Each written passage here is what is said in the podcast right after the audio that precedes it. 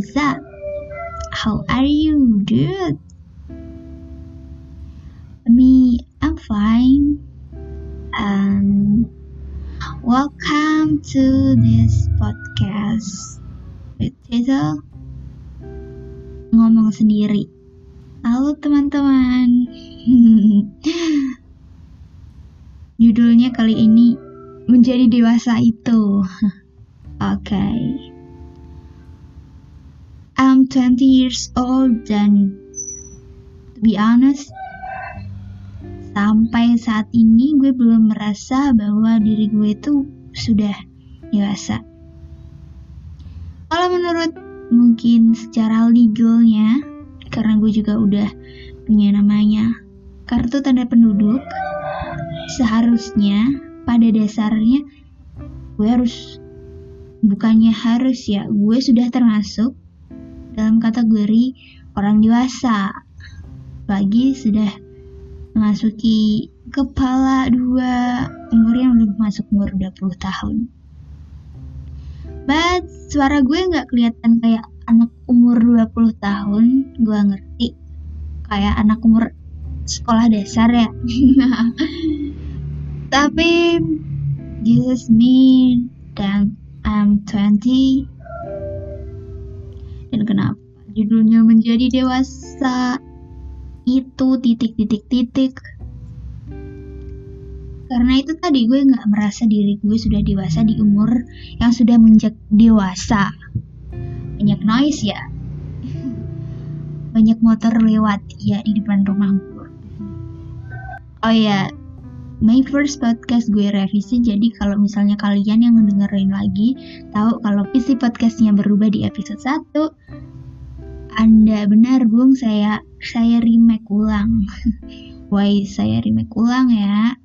Itu karena gue merasa kurang serak aja dengan podcast episode 1 yang sebelumnya. Udah abaikan aja itu podcast episode 1 sebelumnya. Jadi kita perbarui aja podcast episode 1 yang sekarang itu yang gue rasain ya. Gue merasa my friends juga banyak yang berubah. Gak kayak dulu lagi gitu. Kalau teman menjadi lebih sedikit mungkin yes tapi perlu kalian ketahui gue mau cerita nih. Teman gue dari dulu tuh emang udah sedikit gitu. Jadi tambah gue beranjak umurnya beranjak gede. Gue gak merasa gue gede cuman gede badan doang. Mohon maaf nih. Itu tadi gue mau ngomong apa sih? Ya ampun lupa. Gue merasa berubah aja semuanya gitu sih. Dan diri gue juga mungkin ada perubahannya yang gak gue sadari. Oh iya tadi gue ngomong teman gue dari dulu sedikit ya itu emang benar. Jadi gue emang, emang sukanya itu temannya sedikit doang gitu tapi kualitas bukan teman banyak cuman kuantitas doang gitu. Dari dulu itu kayak gitu.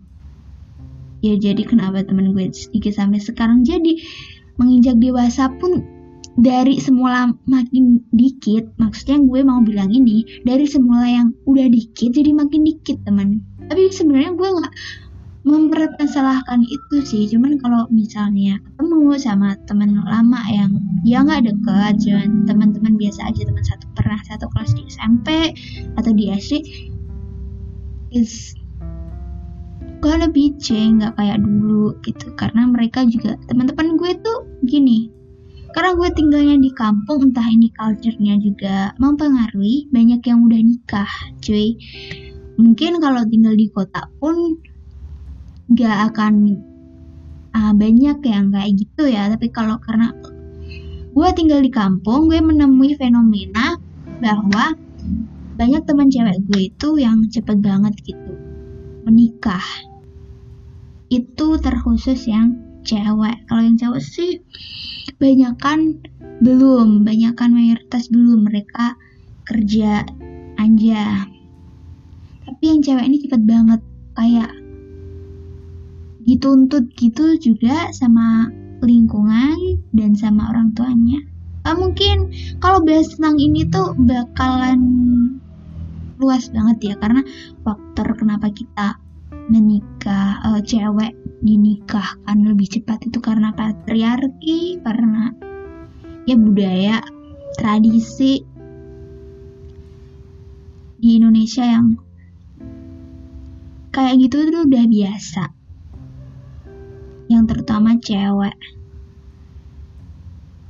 Gue sebenarnya kayak menyayangkan aja. Seharusnya masa depan mereka itu bisa lebih panjang dan masa muda mereka bisa lebih panjang. Harus dikat dengan menikah. Why? Menikah itu akan menjadikan diri kita different dan ada batas-batasan. Misalnya kita mau nongkrong sama temen aja itu bakalan sulit nggak kayak dulu yang gak sulit sama sekali. Karena kita juga punya tanggung jawab nih. Misalnya kita udah punya anak kita udah ada tanggung jawab anak gitu. It's all gonna be change apakah gue menyesal diri gue mulai beranjak dewasa untuk hal ini enggak. Karena gue juga realistis cuy. Balik ke masa lalu menjadi anak kecil menjadi gak akan bisa. Realitanya tidak ada. Mana saja Doraemon atau mesin mesin waktunya Doraemon yang bisa balik ke masa lalu. In reality tidak ada gitu jadi gue cukup realistis aja gue menerima diri gue beranjak dewasa. Hanya saja yang gue rasakan itu struggle-nya juga bertambah. Kadang gue merasa ngedown juga gara-gara hal ini karena masalahnya jadi lebih macam-macam gitu orang dewasa itu ya jadi gitu tuntutannya banyak dan anda-anda semua yang sudah beranjak misalnya menjadi dewasa gara-gara umur dah. Bukan dewasa gara-gara pikiran pasti kalian dituntut gitu. Misalnya kalian udah menginjak umur 20 tahun pasti kalian banyak tuntutannya nih. Ya terutama cewek. Gue sekali lagi terutama cewek karena cewek kalau udah menginjak umur 20 mereka akan ditanyain kapan mereka menikah. Especially kalau lo cewek-cewek yang tinggal di kampung dan tinggal atau tinggal di desa kampung sama desa itu. Ya sama aja. Cewek-cewek yang tinggal di kampung itu lebih cepat menikah. Prosentasenya daripada di kota. Karena mungkin juga ini dipengaruhi oleh berbagai aspek lah. Kayak yang gue sebutkan tadi gitu. Gue pernah soalnya gue pernah tanya itu sama teman gue anak jaksel. Itu teman online aja sih. Kalau gue pernah tanya ke temen gue temen lo, tuh ada yang nikah muda nggak? Katanya ada. Mungkin yang ada itu yang gak meneruskan pendidikan gitu. Cuman presentasinya dikit. Nah gue bilang kalau di sini rumah gue di daerah gue di kampung itu malah presentasinya itu lebih banyak. Dan yang melanjutkan pendidikan nih cewek-cewek lebih dikit. Ini sangat disayangkan sekali ya.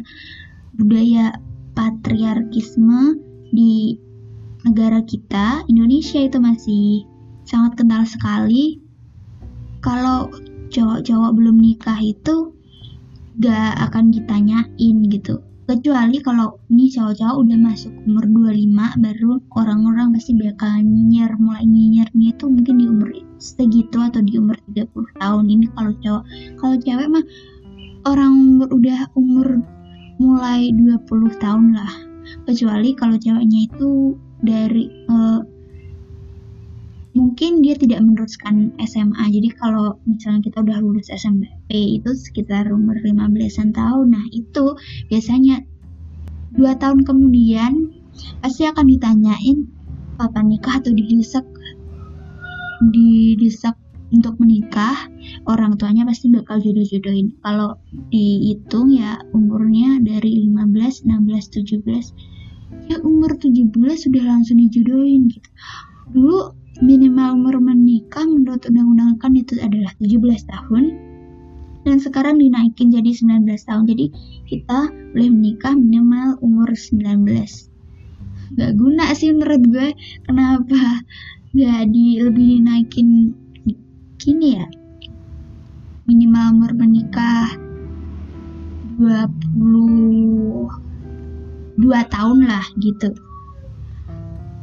ah, tapi mungkin kalau di sini ya di Indonesia pasti undang-undang kalau misalnya minimal menikah untuk cewek umur 22 pasti akan dilar dilanggar juga gitu.